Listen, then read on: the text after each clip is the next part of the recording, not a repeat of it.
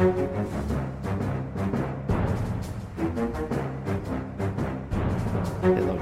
Men burde vi diskutere lotepus? Jeg vet ikke, men nå har vi begynt. Har vi begynt sendinga?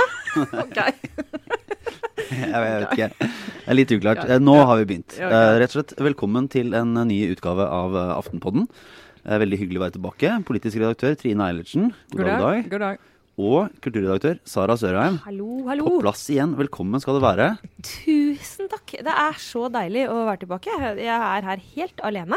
Eh, altså Dere to er jo her strengt tatt, men eh, jeg har ikke med meg noe baby. Og jeg er tilbake på jobb, og det føles helt fantastisk. Jeg er på honeymoon. Kommer til å gå rett i veggen innen kort tid, sannsynligvis. Men akkurat nå har jeg litt overtenning og er veldig glad for å være tilbake i Aftenpodden studio. Ikke sant. Har gleda meg. Så bra. Eh, Jeg er Lars Glomnes, som vanlig. Eh, Vi må jo starte med en liten beklagelse, fordi vi eh, sviktet eh, forrige uke. Ja. Rett og slett. Da ble mm, Da måtte vi stå over en sending. Det ble for krevende logistikk for oss forrige uke, Ja. så vi måtte altså si at vi kaster inn håndkle. Vi kommer tilbake neste uke. Så varslet vi om det på Facebook-siden vår, som enda flere må følge. For da får de vite litt hva som skjer når vi kommer og når vi ikke kommer ut. Vi skal komme ut. Ja. Men der legger vi også ut masse av det vi snakker om.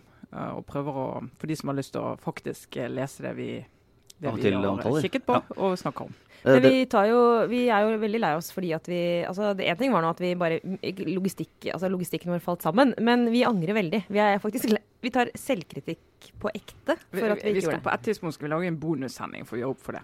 Ja. Absolutt. Men det gikk ikke rett og slett fordi du var, Trine, var ute og sto på ski i Alpene. Ja. Eh, Jeg på litt mer folkelig og hjemlig Kvitfjell. Skikkelig folkelig. Ja. Mens jeg var bare hjemme med Skiferie i Norge er jo folkelig. Alle det. Ikke, Ja. kom her og, ikke kom her og prøv å dytte dette over på meg når du satt nedi i, i fjellsida der og Ja. drakk jegershot. Er- Jeger og Red Bull er det nye nå, Lars. Uff da. Ja. Nei, men eh, det vi skal, vi skal gå gjennom, vi må ha litt eh, vi må ha litt, Det må bli litt Trump i dag, rett og slett. Vi har jo tidligere vært litt restriktive på å gå inn i Trump, Jeg tror nesten vi må slutte å si det, for det er umulig å ikke snakke om. For Ja. alle snakker om det, og det, det er så Så vi kommer nok til å snakke om Trump. så kan vi ta en, vi kan ta en liten boll apropos på Facebook-siden. Hvis det er veldig sterke meninger om, man, om vi bør eller ikke, så kan man jo komme med sin mening der. Så skal vi Vi er et slags Vi er ikke et veldig demokratisk uh, forum, men eh, vi tar imot uh, tilbakemeldinger. ja, vi, er, vi er i stand til det. Ja. Uh, selv om vi nok alltid uansett kommer til å ha Det som på en måte er Aftenpoddens grunnstein, er jo at vi snakker om det vi er opptatt av, og så håper vi at noen av dere der ute er opptatt av det samme. Ja, og vi lytter ikke nødvendigvis til folket, men vi vet at de fins. Ja, Ja. så vidt. Eh, Og når det gjelder Trump, da, altså en ting er nå det som foregår rent sånn, mer sånn helt sånn politisk, eh, hvor det er mange som har bedre innsikt enn oss, og åpenbart også bedre kilder enn oss. Eh, men, men så er det jo alt det andre som skjer, som, er, som faktisk både handler om jobbene våre, handler, vi kommer inn på det i dag, det forhold, forholdet han har til pressen, som er relevant for journalister over hele verden, men også det storpolitiske, og også direkte innslag i norsk politikk. Altså det, er, det er så mye rundt dette presidentskapet som handler om andre ting i politikk, og som, som vi er, både må og vil forholde oss til. Eh, dessverre kanskje i de neste fire årene. Ja, og i tillegg til det, for å bare gi et lite frampek om hva vi skal snakke om, eh, som et eh, semiprofesjonelt eh, program, eh, så skal vi gå litt inn på, på utflyttingen av eh, arbeidsplasser fra Oslo og ut i landet. eh, som kanskje kan ses som en oppdemming for, for Senterpartiets framgang. Uh, og så uh, kommer det litt annet, men jeg tror vi kan vente oss et lite rant mot Arbeiderpartiet. Eh, Fra noen. fra noen, eh, og et par andre ting. Men ja. Donald Trump, vi er jo svært nær eh, nyhetspulsen og har muligheten til det. Vi har jo snakket tidligere om, om hvordan eh, vi har sånne Twitter-varsler på telefonen. Eh, min har nå da samme lyd som, eh, som tekstmeldinger. Så når det kommer inn på, på telefonen nå, så er det, det er uvisst om det er fra en eh, venn eller familiemedlem, eller om det er fra verdens mektigste mann. Ja. Ja, det er faktisk ganske forstyrrende. Det, jeg, jeg mm, trodde at jeg var tilhenger av sosiale medier, fordi fint å komme liksom tettere på eh, folk, men jeg kjenner at det er, dette er for tett. Men du får Det- jo flere meldinger fra Donald Trump enn du får av din mor, Lars. Det er jeg sikker på. Det er helt sant. Og det siste som skjedde i dag altså vi, Trine og jeg prøvde faktisk å ha et litt sånn profesjonelt eh, formøte før sendingen for å legge en plan, eh, mens vi venta på deg, Lars, som var litt sen i dag. Det er greit. Må ikke skje igjen. Men uh, mens vi bare sto da i, i kaffekø og, og, prøvde å legge en plan, så kom det to meldinger inn fra, fra Trump og, som egentlig går rett i hjertet på altså Det er nesten sånn at hvis du orker å ta det innover deg, så er det litt sånn at du får litt frysninger på en dårlig måte. Fordi det det handler om nå, er jo at han er på kildejakt. Altså, så det har aldri sannsynligvis vært flere lekkasjer fra Det hvite hus enn det har vært i disse ukene han har vært president. Men det stopper jo ikke der. Det lekker jo som en sil fra mange deler av statsapparatet i USA, og nå sist fra, i hvert fall ifølge presidenten, fra eh, hva heter det på norsk? Ja, Etterretningen. Ja. Ja, de hemmelige tjenestene. Ikke lenger så veldig hemmelig. Og det har fyrt opp presidenten. Han har våkna nå, for ikke så lenge siden, eh, borti, borti Washington der. og fyre løs i snakkende stund på Twitter om uh, at det lekker for mye, og at det han kaller for the love life losers, som holder på å lekke til pressen, til the failing New York Times, de skal tas. Mm. Dette er kildejakt som jeg aldri har sett før. Det, og det er jo noe vi med rette med det frykter i denne bransjen, og som vi prøver å kjempe mot. Uh, og nå er det liksom nå er det bare, er det, Dette må vi kunne nesten kalle full krig. Uh, ja, og det, men Noe av det som er litt interessant med det også, da, fordi at uh, president Obama, som alle hyller og, og elsket og savner og lengter etter, han var jo kjent for å være den råeste kildejegeren av omtrent samtlige amerikanske presidenter noen gang. Altså virkelig en på jakt etter kilder aktivt, og ble kritisert mye for det. men nå ser vi at Trump skrur det opp et hakk. men nå en ting er jo at han sier det, men liksom, hvordan jobber de systematisk med å få tak i disse kildene? Eh, og Vi har jo eh, skrevet om det i dag, bl.a. i Aftenposten. og diskuterer det mye hvordan vi kan eh, kommunisere med, fra vårt ståsted, da, fra pressens ståsted, med kilder eh, kryptert. Sånn at det ikke er mulig å fange opp eh, kommunikasjonen vi har. De blir bare flere og flere kanaler. Vi hadde senest på vårt uh, morgenmøte her i dag. uh, hvor Vi alle, vi har installert denne Signal-appen, hvor du kan uh, kommunisere med kilder. og og andre som du har lyst til å ha en hemmelig kommunikasjon med. Og det er jo selve, bare for å ta en liten sånn detour rundt festtallene vi liker å holde i denne bransjen, så er vi bl.a. opptatt av at vi er som kjent fjerde statsmakt. Det er ikke så veldig mange andre som egentlig vet hva det betyr eller skal bety, men hele poenget er at det skal være mulig å komme med informasjon til oss som vi skal kunne ta ut i offentligheten uten at uh, man risikerer uh, å bli avslørt. og det er en helt sånn det burde nesten ikke være nødvendig å gjenta, men jeg tror kanskje det er det i vår, tid, vår tid. At man, akkurat den funksjonen, at det skal være mulig å komme med informasjon til pressen som vi skal vurdere og eventuelt velge å publisere. Eh, den dagen det ikke lenger er mulig, så mister vi en veldig viktig funksjon. Eh, og det er liksom en av grunnene til at vi kan forsvare at vi fins. Så det som jo skjer, én ting er nå at den teknologien vi har nå er så gjennomsiktig at vi er nødt til å, som Trine sa, lage kanaler som faktisk er kryptert, sånn at eh, det teknisk sett er mulig å, å gi oss informasjon. Men det er klart at det statsledere som ikke anerkjenner at det er nødt til å være der for at demokratiet skal fungere sånn som vi vil, det er ganske krise. Det, hva gjør vi da? Altså, hva gjør vi når presidenten skriver dette på Twitter? Skal vi ta det alvorlig, så er det jo det er virkelig kjempeproblematisk. Jo, men noe av det Eller det er jo litt For det første, det er jo prinsipielt veldig for lekkasjer, og som journalist mener at det er en helt nødvendig ventil for å få vite om kritikkverdige forhold i statsforvaltningen. Men uh, det er jo litt, det er jo litt interessant å se her i dette tilfellet Trump, der det er veldig lett å tenke at alle, måte, alle lekkasjer er gode lekkasjer. Mm. Men eh, det må jo til hans eh, forsvar så er det jo interessant å se hvis det faktisk blir en, en nærmest en krig mellom etterretningen og presidenten. Så sitter jo etterretningen i USA med enormt mye informasjon og enormt mye ukontrollert makt. Uh, og det er jo ikke nødvendigvis et demokratisk gode hvis, hvis det lekkes ukritisk for å ramme en demokratisk valgt president. Uh, selv om det kan være interessante opplysninger, så, så, er det jo et maktspill der som, som, ikke bare er sånn ja, ok, gi oss mest mulig informasjon akkurat nå om alt ja. det som kan være galt. For man vet jo ikke uh, Mye av det som lekkes om nå, i teorien, kan jo være ting som skjedde også under Obama, ja. eller også under tidligere presidenter, men da mente uh, etterretningsorganisasjonene at det var fordelaktig å, å, holde kjeft. Nå velger man av egen interesse å gå ut med ting som ja, som ja, ellers er, er, er, generell uh, vanlig praksis. Da. Ja, men du har rett i det at det, det er, altså, såkalte drittpakker f.eks. er jo nettopp denne typen at du, at du, lekker for å skade noen. Men det er jo her redaktøransvaret kommer inn. da. Altså, det er jo ikke sånn at vi trykker eller publiserer alt vi får inn av lekkasjer. Tvert imot, det er jo en selvstendig vurdering man må gjøre hele tiden. Man er ikke forplikta til å viderebringe. Eh, så hvis man opplever at ok, nå kommer det masse lekkasjer fra et bestemt hold, men dette er åpenbart del av en kampanje mot noen, så må man jo nettopp da Eh, Ofte velger man jo ikke gå videre med det, eller man velger å, å jobbe videre med å hente inn helt andre kiler. Altså, her er jo på en måte noe av kjernen i det Ja som faktisk faktisk er jobben vår. Men det fremstår litt som Eller det er i hvert fall det fremstår som er en fare for at, at mediene, når det er en såpass pågående, etablert og erklært eh, konflikt og krig fra, eh, fra presidenten mot mediene altså, altså Trump sier at, at mediene er opposisjonen. Så eh, tror jeg ikke man skal underslå at det kan komme en mekanisme der mediene også ser på Trump som eh, motparten, og derfor ikke er like kritiske i hva de velger å eh, slippe ut av informasjon. Da. Og, og det, noe av eh, måte, essensen i informasjonen som kommer fra de hemmelige tjenestene, er jo at det er ekstremt vanskelig å etterprøve. Så må vi si at Fram til nå, f.eks. de lekkasjene som har kommet om denne Flynn, som har måttet gå av som nasjonal sikkerhetsrådgiver, er jo, har jo vært ting som ja, Ok, det avslører at han løy. Eh, og det må jo sies å være relevant informasjon, og det var jo relevant nok til at han trakk seg. Men så er det jo eh, altså Jeg deler jo bekymringen din, Lars, på den måten at eh, vi, vi ser jo allerede nå at det, det er enormt mye mange av sakene som er fundert på anonyme kilder. Ja. Enormt mange.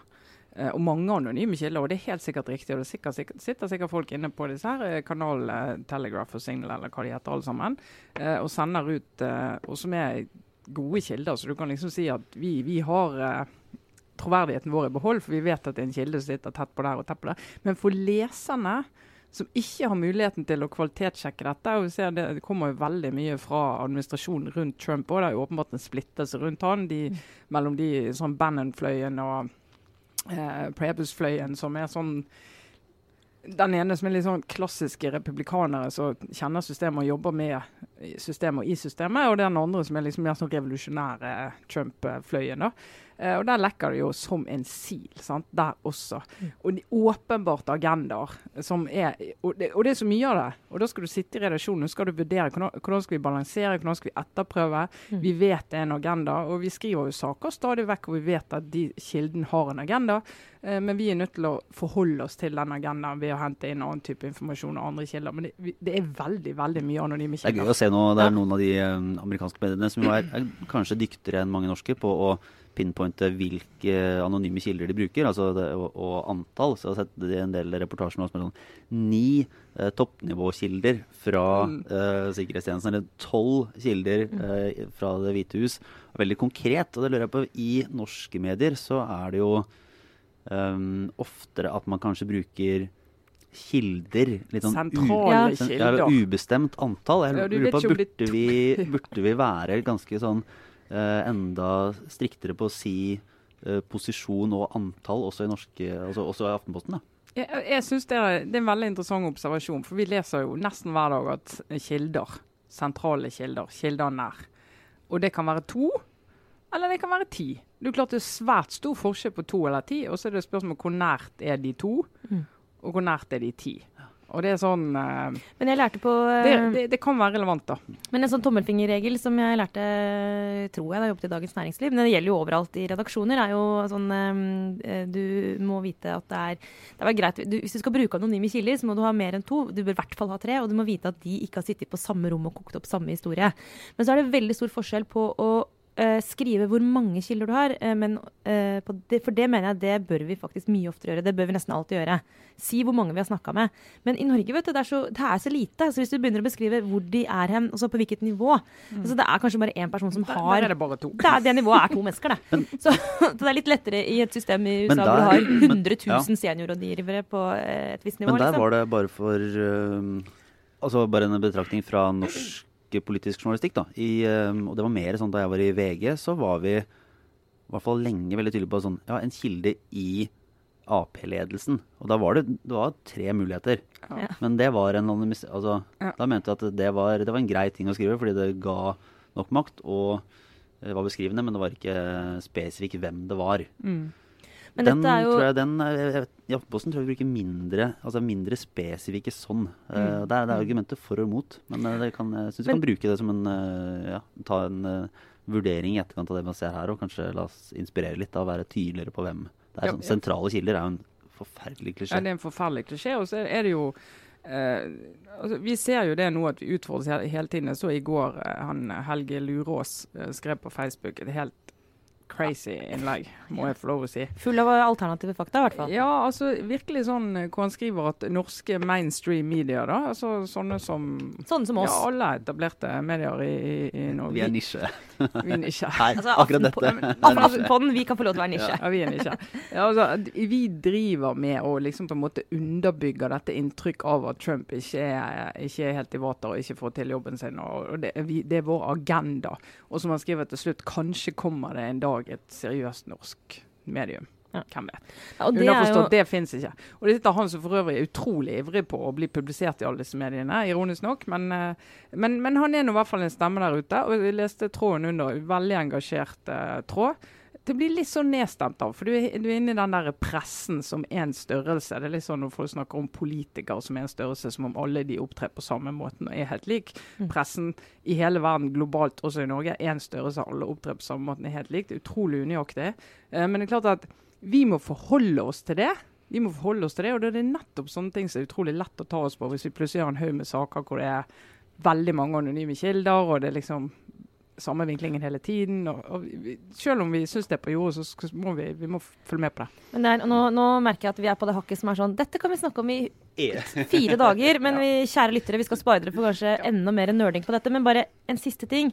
Egentlig var det en genistrek. Altså, det gjør det mer komplisert nå at vi nå sier vi, da, jeg også, som sånn alle vi som jobber i pressen i hele verden. Men altså vi har, at vi har uttalt opposisjonen til den sittende presidenten i USA. At hans nærmeste rådgiver, altså Steve Bannon, eh, gjorde det han gjorde. da Han gikk ut og sa at opposisjonen, det er ikke demokratisk, det demokratiske partiet, det er pressen. Ja, men vi kan ikke akseptere det premisset. Nei, men når det premisset først er satt det Vi aksepterer ikke det, men veldig mange med, er enig med han. Og vi kontrollerer ikke det. sånn at når vi blir sett på som en aktør, ja, så blir da hvert ord vi skriver og hvert ord vi sier, vurdert kritisk på en måte som gjør at det har aldri vært viktigere at vi er ryddigere. da. Fordi vi blir lest altså så eh, nøye. Og det skal vi selvfølgelig ta på strak arm, den utfordringen. Men det har gjort det enda mer komplisert. altså det, det så, hva skal vi si, Skruene er liksom skrudd til noen ekstra hakk nå. Vi kan ikke gjøre feil, det har vi aldri kunnet. Men nå er det den tilliten vi har, er liksom, den skal vi verne som uh, Det er derfor vi Ja. veier alle våre ord her med gull på gullvekt. Dere skulle bare visst hvor mye jeg ikke det. sier. Jeg skal begynne med det nå. Alt er nøye skrevet ned. Vi har øvd. Ja, ja. Uh, men uh, fordi vi, vi svinger oss hjemover, rett og slett, til det som har ja, Det har på en måte ikke helt slått igjennom som ukens store sak, men det bruker vi oss nødvendigvis om, for det mener at det er interessant. Eh, og det er jo en stor satsing eh, fra regjeringen og samarbeidspartiene om utflytting av eh, arbeidsplasser til, altså fra Oslo til eh, resten av landet. Ja, og da må vi si at Dette er en sak som vi, eh, sånn som alle medier elsker å si, du leste det først i Aftenposten. Men det var en sak som vi faktisk eh, hadde først denne uka. Eh, fordi vi fikk ut at det kommer på fredag I dag når vi lager Aftenpotten er det torsdag, men på fredag så kommer det altså i statsråd et forslag om, eh, om eh, å flytte ut da et sted mellom 600 og 1000 arbeidsplasser fra Oslo ut i distriktene. Eh, utfordringen nå er jo at eh, veldig mange av dere hører dette etter at det har vært statsråd. Eh, vi snakker om det før, for vi skal snakke litt om det nå. Så det kan jo hende at det har skjedd ting på det neste døgnet. I så fall så får det bare ta inn over dere failing media nok en gang. Men vi har ganske gode kilder på at dette kommer til å skje på fredag, i hvert fall. Um, og det er jo en eh, sak som går rett inn. Både i liksom, et av de store blåmerkene i liksom, norsk offentlig debatt, som by mot land. Eh, Det er alltid noe å hente der. Men det går også rett inn i Aftenpodden-redaksjonen. En sånn konfliktlinje på tvers her vi sitter, som vi kjenner på rett som det er. Så vi er engasjert i denne saken, eh, kan vi trygt si.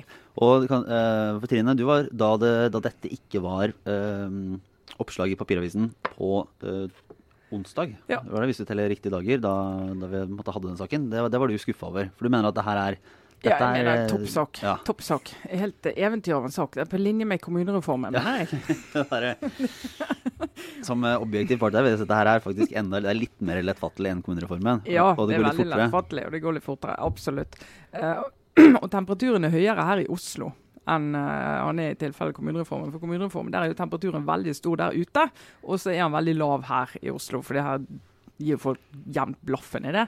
Eh, men utflytting av statlige arbeidsplasser fra Oslo, det, er sånn som får Raymond Johansen og Jan Bøhler og hele, hele kostebinderiet til å liksom Jeg vet ikke om de har landet ennå. De bare tok helt fullstendig av rett i taket. Ja, altså når, når nyheten kom da, om at eh, denne regjeringen med, med ivrig støtte fra Venstre Det er den Venstre Ja, det er jo en avtale med Venstre, dette. Som, Ja. Så det har vært kjent at det skulle komme. De avtalte det i fjor. Og det er en del av liksom regionform, alt, hele pakken. At vi skal styrke distriktene. Og, ja. Men eh, når da dette nå ble kjent eh, Jeg må bare si at det er ikke alltid at jeg er helt 100% enig med Jan Bøhler. Men Selv om du syns han er flink å synge og spille. han er veldig flink til å synge og spille. Og han er veldig flink til å løpe og til å henge i sånne treningsinstrumenter eh, som han gjør i disse videoene sine. Men eh, i går, eh, da når han fyra seg noe så skikkelig opp, altså da, da kjente jeg på den der Vet du hva, nå, jeg, jeg kjente på sånn Jeg elsker nå holdt jeg på å si 'jeg elsker deg, Jan Bøhler'. Det skal jeg ikke si, i hvert fall ikke gjenta. Men 'jeg elsker deg, Oslo'. Og herregud, det, ikke, det går ikke an å behandle hovedstaden vår på denne måten. Og jeg kjente, og han, var det han, var det han sa hos oss, Bøhler, at eh, bare for å gi Venstre et ferniss av, de, av distriktspolitikk eh, og, ja, og fyra løs. Fordi eh, for mange, da. eh, Ikke for alle, men for mange så oppleves det jo som at det er en manglende respekt for at vi har en hovedstad, og hvorfor skal vi tvinge arbeidsplasser ut herfra eh, når det er veldig mange gode grunner til at de ligger i Oslo.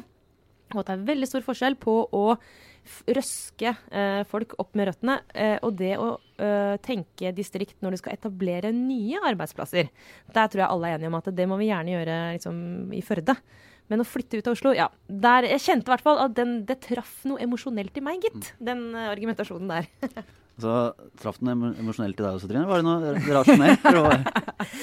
Nei, altså, for, å, det, dette, dette er en ganske morsom diskusjon. Sist i 2003, da eh, daværende arbeidsminister Viktor Nordmann eh, flyttet eh, syv statlige tilsyn ut av Oslo, 900 arbeidsplasser, eh, i Bondevik II-regjeringen, eh, da satt jeg i Bergen eh, og skrev om dette. Og jeg og alle andre som jobbet i aviser rundt i Norge, vi hyllet prosjektet. Og så var veldig imponert var Viktor Nordmann sitt altså geniale grepet til Viktor Nordmann, det politiske grepet. Altså Du kan mene hva du vil om selve utflyttingen, men det geniale politiske grepet var at han fordelte arbeidsplasser i hele landet. Så han fikk en sånn tverrpolitisk eh, samling. For det var ikke mulig for en eneste stortingsrepresentant utenfor Oslo å være mot det, uansett parti. Så det var røkla mot Oslo. Det var røkla mot Oslo. Og, det, og med en gang du får en sånn sak, så er det kjørt. Da blir det sånn. Og, og da ble det sånn. Eh, og da, Det som var så fascinerende den gangen, var at alle Oslo-avisene, de som elsket å gå rundt og kalle seg riksmedia, de ble helt lokalavis. og det syns jo vi var litt søtt. For de var jo alltid sånn Nei, det er BT, det er så lokalt, og Adresseaviser, de tenker bare på sine egne. Og så leste du Oslo-aviser, og det var side opp på side med gråtende ansatte som måtte flytte. Og de fikk nesten ingen flyttestøtte, bare et par hundre tusen kroner. Og, og det var så fælt, og det var så vondt. Og, liksom, og da satt du hele kysten rundt der, liksom, der arbeidsplasser kommer og går. Sånn er det. Folk må flytte, de mister jobben. Dra til Stavanger og liksom, se om du finner noen som må flytte fordi de skal få ny jobb. Og, og, og, ikke, og de må få ny jobb. Det er ikke gamlejobben som flytter, så de kan flytte med. De har ikke jobb. Og så var det disse Oslo-folkene, disse stakkars få hundre i Oslo. Men det var helt forståelig. Helt forståelig. Og de sakene skal jo lokalavisene lage. Også i Oslo. Ja, og vi har selvfølgelig lagd de denne uka her. eh, Så Trine Ja har jo holdt seg. Du har sittet på hendene, tror jeg. Litt, ja, men eh, det, det er helt riktig å lage de sakene også. Men, men det som er interessant, er det at det betyr ingenting i denne debatten. Hvordan de har det. Altså virkelig, det betyr ingenting. For dette, dette handler jo om hvordan eh, Oslo har 45 000 av de 161 000 statlige arbeidsplassene. Det er nesten en tredjedel. Andelen har økt etter hvert som antallet statlige arbeidsplasser har økt. Og det du har helt rett i, Sara, det er at etter hvert som eh, antallet statlige arbeidsplasser har økt, så blir alle etablert i Oslo. Altså, noen få unntak, 20 her og 10 der, men de blir etablert i Oslo. Og politikerne makter ikke, ikke i den rød-grønne regjeringen og ikke i den blå regjeringen, å etablere de nye arbeidsplassene i, utenfor Oslo. Mm. Og da får du sånn skippertak. Mm. Og sånn politisk er det veldig smart av den blå regjeringen og Venstre å gjøre det. Akkurat nå et halvt år før valget, når Senterpartiet suser opp på målingene, og Arbeiderpartiet står der, hva skal Arbeiderpartiet si nå? Hva skal de si? ja, hva kommer de til å si? Altså, hva, altså Jan Bøhler og Raymond Johansen veit hva de skal si. Men hva de vet de hva de skal si, og det kommer alle Oslo-politikere til å si, og få lov til å si. For de er lokalpolitikere. De må få lov å si det. Du kan ikke ta fra Oslo arbeidsplasser. Vi trenger arbeidsplasser. Riktig, Det er 645 000, men vi trenger arbeidsplassene. Det må de få lov å si. Men, men sånn men- rikspolitisk betyr det ingenting. hva, skal, hva sier eh, Aftenposten om dette nå, da? Som, er, eh, som skal stå for Us Love og eh, engasjement for byen, Ja, vet byen du. Her må vi være åpne og Ja. si at vi har, vi har en liten diskusjon gående hvor vi skal legge oss. For vi har jo, vi sånn posisjonering, det er sånn avisstrategi. Og vi er både en Oslo-avis og en eh, nasjonal eh, riksavis. Hvis du gir deg på dette her, Trine Ja, Jeg, altså jeg, jeg, må, jeg har gått aktivt ut i redaksjonen og bedt folk om å undergrave Trine. Jeg, opp, jeg, Ja, jeg, har jeg har prøvd å demme opp for at vi har en vestlandsfande på, som politisk ja, Sara vil at vi skal være lokalavis i dette spørsmålet. Eh, og, det, og det er og jeg, bare sier, jeg skriver kommentar om det til lørdag, så jeg er i gang med å skrive om det. Uh, og, vi, og vi skal mene om det òg. Men jeg har lyst til at ja, debatten skal gå. Jeg har lyst til å se hva arbeidsplasser som kommer. Fordi, kan jeg, Vi får vel lov Lars til å diskutere det bitte litt mer, eller? Ja, jo, men jeg bare lurer på, jeg bare lurer på en ting. Uh, fordi, nei, fordi at, eh, men Trine mener at det er en ting er at uh, nå forklarer du det som at det er naturlig og at eh, ja, ja, det er strategisk riktig og allting, men mener at, mener at det er eh, på måte samfunnsmessig nødvendig? Ja, Men om at det det, er den, ja, funker Ja, for det er en annen diskusjon, faktisk. Ja. Fordi at den, eh, den Victor Nordmann-utflyttingen ble jo evaluert i eh, 2009, var det vel. Uh, og da, eh, da var jo konklusjonen det at gjøre en sånn storstilt utflytting av arbeidsplasser, hvis du ser på argumentene for å gjøre det. Victor Nordmann sin argumenter det var i hovedsak to. Det ene var at tilsynet, det var jo statlig tilsyn. De hadde godt av å ha en geografisk avstand til det de skulle føre tilsyn med, og det er mer naturlig at eh, eh, tilsyn som skal føre tilsyn med båter er på kysten borte ved Haugesund, enn at det er midt i Oslo. Og Konkurransetilsynet i Bergen og luftfart i Bodø, allerede en litt sånn luftfartsby. Eh, og at det var fornuftig.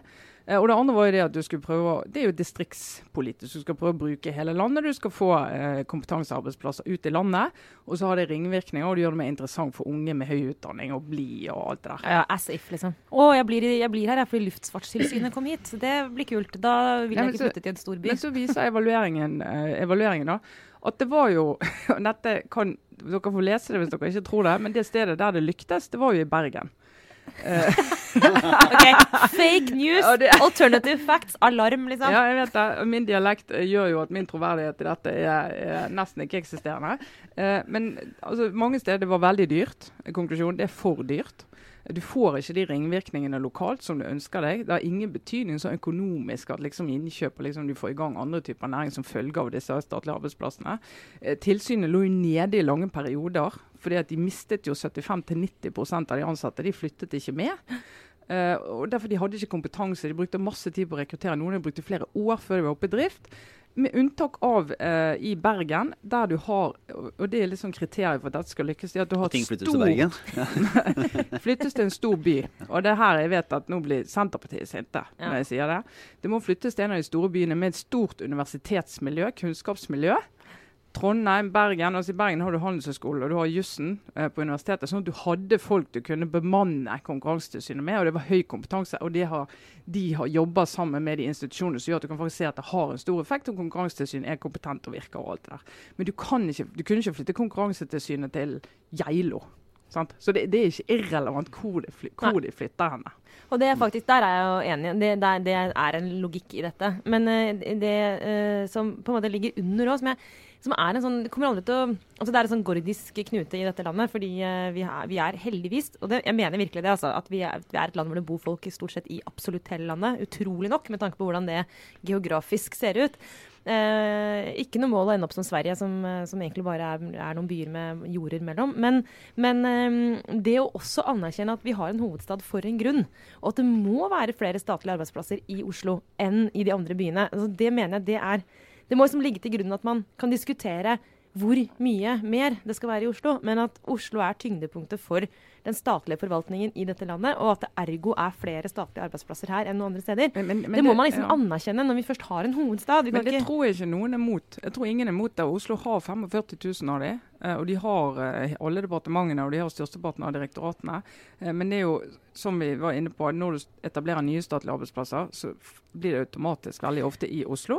Og det er en forsømmelse som gjør at en, liksom de som klager på nå etter utflytting, må jo gå til sine egne partier og si at ja, men hvorfor har dere ikke da Hvis dette virkelig er viktig, så må dere greie å gjøre det mer løpende enn å ta sånne skippertak som gjør at ja, du er nødt til å legge, For det du må gjøre, du må legge ned virksomheten i Oslo, så må du bygge opp igjen i en annen by. ja, Og det er jo ikke lønnsomt. Det skjønner jo Det er ineffektivt. Men det kan ha en politisk gevinst, og det er jo ikke tilfeldig hvor disse nå havner. Eh, Det er jo eh, Men du, er unnskyld, at vet Ja. du hva? Jeg må bare si det. Hvis jeg som familie da, eh, måtte forholde meg til at vi måtte kanskje flytte til eh, et annet sted enn Oslo. Samme for meg, det er uansett et mareritt. Nei da. Men hvis vi måtte flytte da, pga. at arbeidsplassen til meg eller, eller min partner ble flytta, så veit du sånn Det er bare fordi Trygve Slagsvold Vedum har eh, klart å kaste seg på en sånn bølge som i utgangspunktet er kjempeproblematisk. Altså en sånn nasjonal Hva skal vi kalle det for noe? Nyorientering. Alt blir litt sånn guffent. Man, men altså, det at Senterpartiet har, at det, det som har skjedd med Senterpartiet nå har skjedd, som gjør da at alt dette her dominospillet begynner den bitterheten der, jeg tror ikke jeg kan tenke på. Altså da, jeg ville Ja, ikke men- orket men- å sette uh, Nei, politisk men debatt igjen, men det, det er ikke bare det. Og det andre, Sara, det er jo ikke bare begrunnelsen for alle disse har gått til valg på at de skal Ja, gjøre det. det er sant, det, men det det- har ikke kommet av Trygve Men Slagsvold Vedum, men det er klart timingen er veldig god. Ja. Politisk er kjempegod timing. Arbeiderpartiet Jeg vet ikke hva de skal si om det, så jeg gleder meg eh, til disse debattene. Og så eh, er det jo det, Sara, at hvis det skjer at du mister din arbeidsplass blir flyttet, så er det ikke vanskelig for deg å få en ny jobb her. Men hvis det skjer et annet sted i landet, er det mye vanskeligere. Og det er litt av grunnen til at ingen har sympati med Oslo. Jeg mener litt urettferdig at ikke folk har mer sympati med Oslo.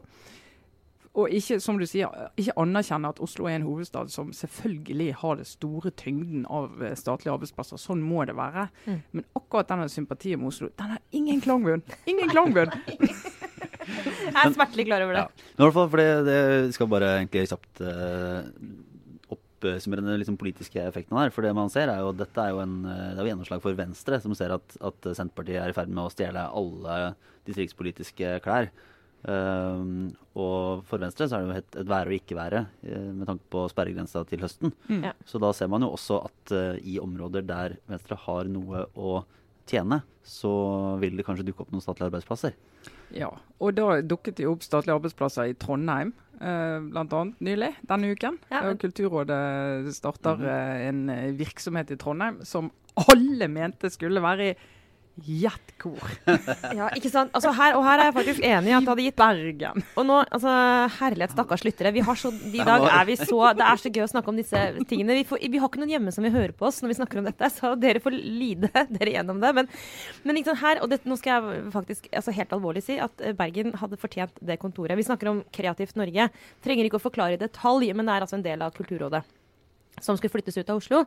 I Bergen fins det et miljø som det ville gått helt utmerket. Det er også litt sånn nyoppretting her, og jeg er helt for å opprette nye ting utafor Oslo. Så er det noen få som flytter over og sånn. Og jeg ville vært, det er helt fint hvis jeg hadde vært i Bergen. Det hadde faktisk made perfect sense. Det er helt sant. Men så bare ble det hestehandla til Trondheim.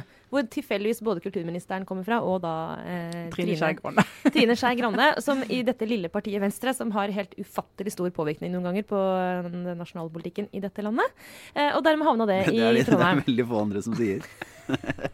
Ja, men altså mener ufattelig sett tatt med utgangspunkt i størrelsen. Nå som du er i Frp, Sara. Ja, jeg vet det. Jeg prøver bare å være folkelig. Vi får gå videre. Venstres ufattelig store påvirkning på norsk politikk. Du hørte det her først. Uh, nei, fordi vi eh, Det var egentlig så må vi bare Vi må på en måte komme oss eh, i mål, men vi har noen uh, Vi må vi, komme oss videre. vi har, Ja, Ja. så har vi en, vi har en eh, obligatorisk refleksjonsrunde. Og så har jeg et godt, men ubekreftet rykte.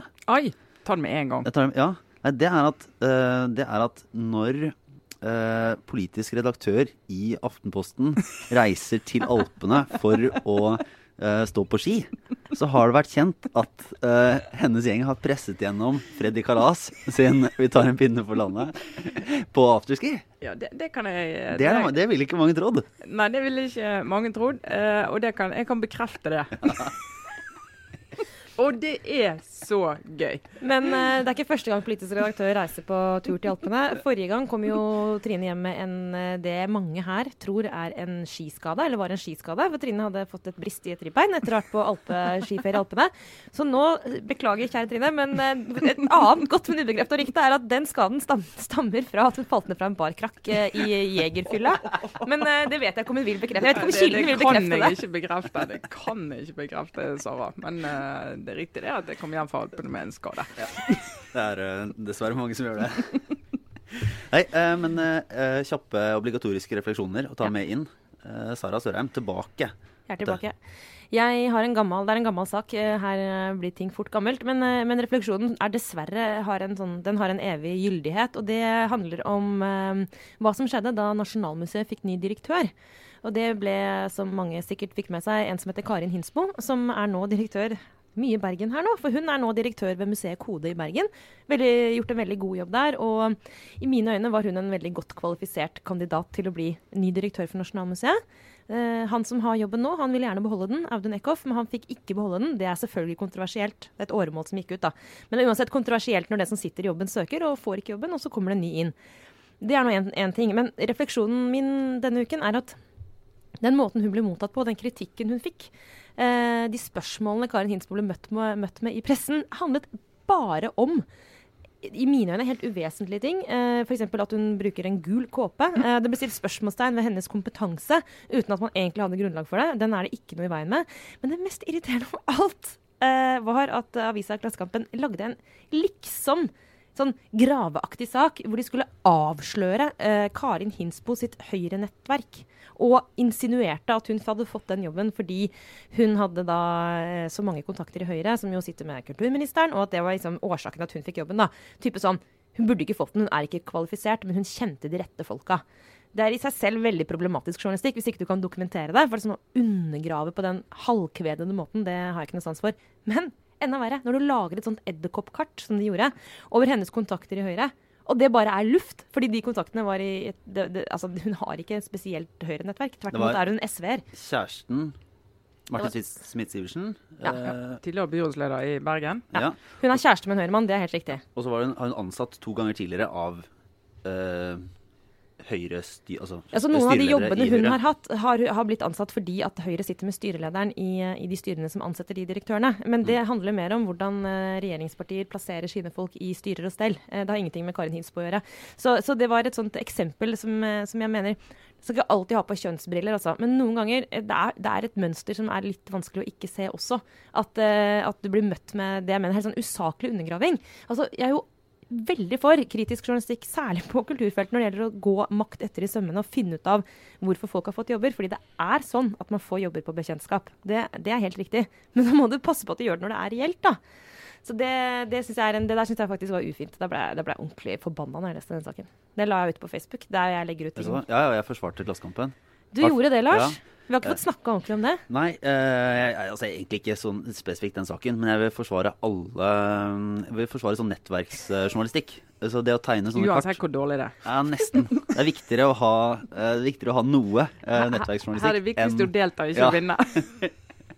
ikke, at ikke vi truer måte, undergraver eh, virksomheten med å tegne opp sånne nettverk om hvem som eh, kjenner hverandre og hvem som er eh, Ja, altså det morsomste, det morsomste, vi har i denne bransjen, er jo sånne kart hvor vi lager sånne linjer mellom folk. Eh, jeg kan jo, En gang lagde jeg et sånt kart over eh, hvem som hadde hatt seg med hvem på Washington-seminaret, som norske presse- og PR-folk drar på. Det, det har vi bremt opp. Mange linjer. Men, Mer intrikat kart men jeg ble jo, Det er jo litt vittig. Jeg var faktisk, kan jo da, Før jeg begynte i Aftenposten, så var det en sak her som ble laget om de som hadde gått på Handelshøyskolen. Uh, og hvor tette nettverk det var der. Og Der leste jeg åpent i Aftenposten, og plutselig var jeg en del i enden av en sånn linje. Og Der det sto liksom tette linjer til folk uh, som jeg overhodet ikke har snakket med. Som i aldri. Okay, det, er kanskje, det, er kanskje, det er en ulempe, men jeg mener at det er, det er, litt sånn Det er veldig påfallende at de som blir omtalt i et sånt nettverk, har veldig liten forståelse for at det tegnes et nettverk. Ja da. Men mange blir jo veldig stolt av å være i et sånt nettverk. Jeg har lyst til å være i et sånt nettverk. Og føler seg litt så viktig og tenker jøss, nå ser jeg viktig ut at jeg er en del av et nettverk. Så du går ikke og klager på at du blir tegnet inn i et så nettverk. Jeg har faktisk aldri fått være med i et nettverk, selv om det har vært sånne kvinner i Kultur-Norge som skriver i avisen nettverk. Selv ikke da får jeg lov til å være med. uh, men jeg har laget et sånt nettverk. Kulturredaktører i riksmediene. Kvinnelige kulturredaktører i Oslo. Ikke med der heller. Ikke med der heller. Men, eh, men uh, i selvkritikkens navn, jeg har vært med å lage et sånt nettverk i Klassekampen, faktisk. Jeg har jobba der. Uh, og vi lagde et sånt nettverk faktisk, det var vi som fant opp begrepet uh, Facebook-høgre. Vi lagde en oversikt over sånne middelaldrende menn som skrev høyre-ting, høyreorienterte politiske ting på Facebook. Og det var faktisk Vi avdekket nesten, vil jeg si, en sånn gjeng. Men, men de igjen, mener at det ikke fins? De mener at det bare skapte det? Problemet er at eh, jeg mener alt, alt det andre vi gjorde, altså Kjetil Rollnes var med og sånn, men vi hadde med DN-kommentator Bjørn Gabrielsen i det, i det nettverket vi tegna opp. Og eh, for det første så var det helt feil. Altså Han er ikke en del av det miljøet. Ta selvkritikk på det. Men det som også var litt pinlig, er at han har ikke engang en, eller hadde ikke da en Facebook-konto. Kvalitet i alle ledd. Ja, så det skal jeg, jeg skal ikke sitte her på min høye hest. Altså, jeg har gjort mine nettverkstabber definitivt. Og unnskyld til Bjørn Gabrielsen. Det er faktisk veldig flaut. Men ja, ja ferdig med det. Jeg har egentlig bare en, eh, en veldig kort obligatorisk eh, refleksjon. Eh, og det ene er vil anbefale den, eh, en sak som jeg kommer til å legge på Facebook-siden vår, eh, om hvordan en liten lokalavis i Sverige gikk undercover og har eh, kommet inn og sett på en sånn eh, troll, nettrollfabrikk, kan man kalle det. Tror jeg de kaller det. Altså et, et selskap noe som driver organisert trolling av Ja. medier. Eh, Det er en veldig fascinerende sak. Og et, Hvorfor det? eh, Nei, de, de, det er et sånn eh, høyreorientert innvandringskritisk nettsted som da driver og på en måte mer eller mindre kampanjemessig går løs på journalister og redaktører. Det bør, og bør ikke være så veldig vanskelig å rekruttere folk, i hvert fall, til den uh, fabrikken der. Det, de Nei, jeg tror det er lav timelønn og mange, mye, mye dugnadsinnsats, rett og slett. Så um, Du legger ut lenken. Ja, legger ut lenken. I tillegg, så det kan vi bare si eh, med en gang, uh, så har vi jo fortsatt uh, det, e- det lille Aftenposten abonnementstilbudet via Aftenpodden. eh, Som rett og slett er aftenposten.no slash podden. Mm. Ja. Ja. ja. Så det anbefaler vi alle, selvfølgelig. Å bygge opp under, eh, under den gode mediehverdagen og det som gjøres. Ja. Trine, Ja, en nei. kort obligatorisk refleksjon. Kort obligatorisk refleksjon. Jeg har, eh, jeg har hisset meg opp med jevne mellomrom. Kanskje like mye som du har gjort um, uh, med eh, Karin Hinsbo denne uken. Så har jeg hisset meg opp over eh, Arbeiderpartiet sitt uh, utkast til stortingsvalgprogram. Ja, lykke til med å gjøre dette kort, Ja, Trine. ja, nei, altså Hvor Få det ut. Det er ett et punkt fra 1994, da, da noen av oss deppet over at det ble nei til EU, Sara. Altså, jeg vil bare si at Ja. jeg var 16 år, jeg, så jeg kan ikke ta ansvar for det. jeg var så so young and I needed the money. Ja, du var ung, men det kommer til å bli brukt mot deg så lenge du lever. Da, da har Arbeiderpartiet og, og Høyre og et par andre partier liksom vært sånn Greit, det ble nei den gangen. Vi skal ha tett samarbeid med Europa. eh, og egentlig burde vi vært på innsiden. Sånn er det. Og så skriver, og det har det stått i Arbeiderpartiet sitt program, eh, og det står nå i det som gjelder nå, at medlemskap i EU vil være en fordel for Norge. Det har de nå strøket i, eh, i det nye programmet sitt. Og så er det litt sånn Ja, men eh, samarbeid med Europa er jo kjempeviktig og veldig viktig og alt det. Og det er for så vidt greit. Og alle vet at Norge kommer ikke til å søke om medlemskap i EU neste periode. Det kommer ikke til å skje. Det er sikkert ikke perioden etter det heller. Aldri. Sannsynligvis aldri. Men timingen for å ta dette steget kunne ikke vært mer feil. Altså Hadde det skjedd for åtte år siden, så hadde det vært mye mer riktig. Fordi at da var liksom ikke så viktig hva alle syns om akkurat det. og Realiteten var at vi var utenfor, kom til å stå utenfor. Fins ikke et regjeringsalternativ, og ikke Norge utenfor EU og alt det der. Men nå, når vi vet at Donald Trump ønsker at EU skal gå i oppløsning, Putin ønsker at EU skal gå i oppløsning, Theresa May og Storbritannia går ut av EU med en sånn tanke om at nå skal Storbritannia bli great again. Akkurat som USA skal bli, akkurat som alle skal bli. Da mener jeg at vi har plikt til å minnes historien, hvorfor EU ble etablert. Nå, litt av grunnen til at EU ble etablert, var mange mange tiår med krig og en situasjon der alle europeiske land absolutt skulle bli great again, hver for seg. Det er farlig. Vi kan ikke ha det sånn at alle skal bli great again hver for seg. Og akkurat nå. Akkurat nå, ja! Akkurat nå er det faktisk utrolig viktig at alle gode krefter sier Europa må stå sammen for å møte eh, krefter som Donald Trump, for å stå imot eh, Putin sin eh, splitt og hersk-teknikk i Europa. Og Da er det faktisk veldig et signal fra Arbeiderpartiet som jeg reagerer sterkt på. Og Jeg kan ikke forstå at EU-vennlige mennesker i det partiet kan akseptere at de tar det steget akkurat nå. Voff. Trine, alt er tilgitt. Jeg stiller meg 100% bak deg som vår politiske redaktør og ledestjerne. Amen. Eh, men eh, med det, rett og slett, uh, fordi jeg skal rekke et uh, møte, og vi har holdt på i lange tider. Vi har tatt igjen nesten for at vi var borte forrige uke. Det var så gøy å være tilbake. Ja. Jeg håper de, For de av dere som har holdt ut helt til nå, vi takker dere for at dere orker. Det var eh, veldig hyggelig at vi fikk lov til å prate om eh, disse i våre øyne uhyre viktige og engasjerende temaene. Rett og slett. Ja, men da takker vi for oss, eh, og så er vi tilbake neste uke. Garantert. Garantert. Eh, Trine Eilertsen, Sara Storheim, takk. Jeg er Lars Klomnes. Ha det bra.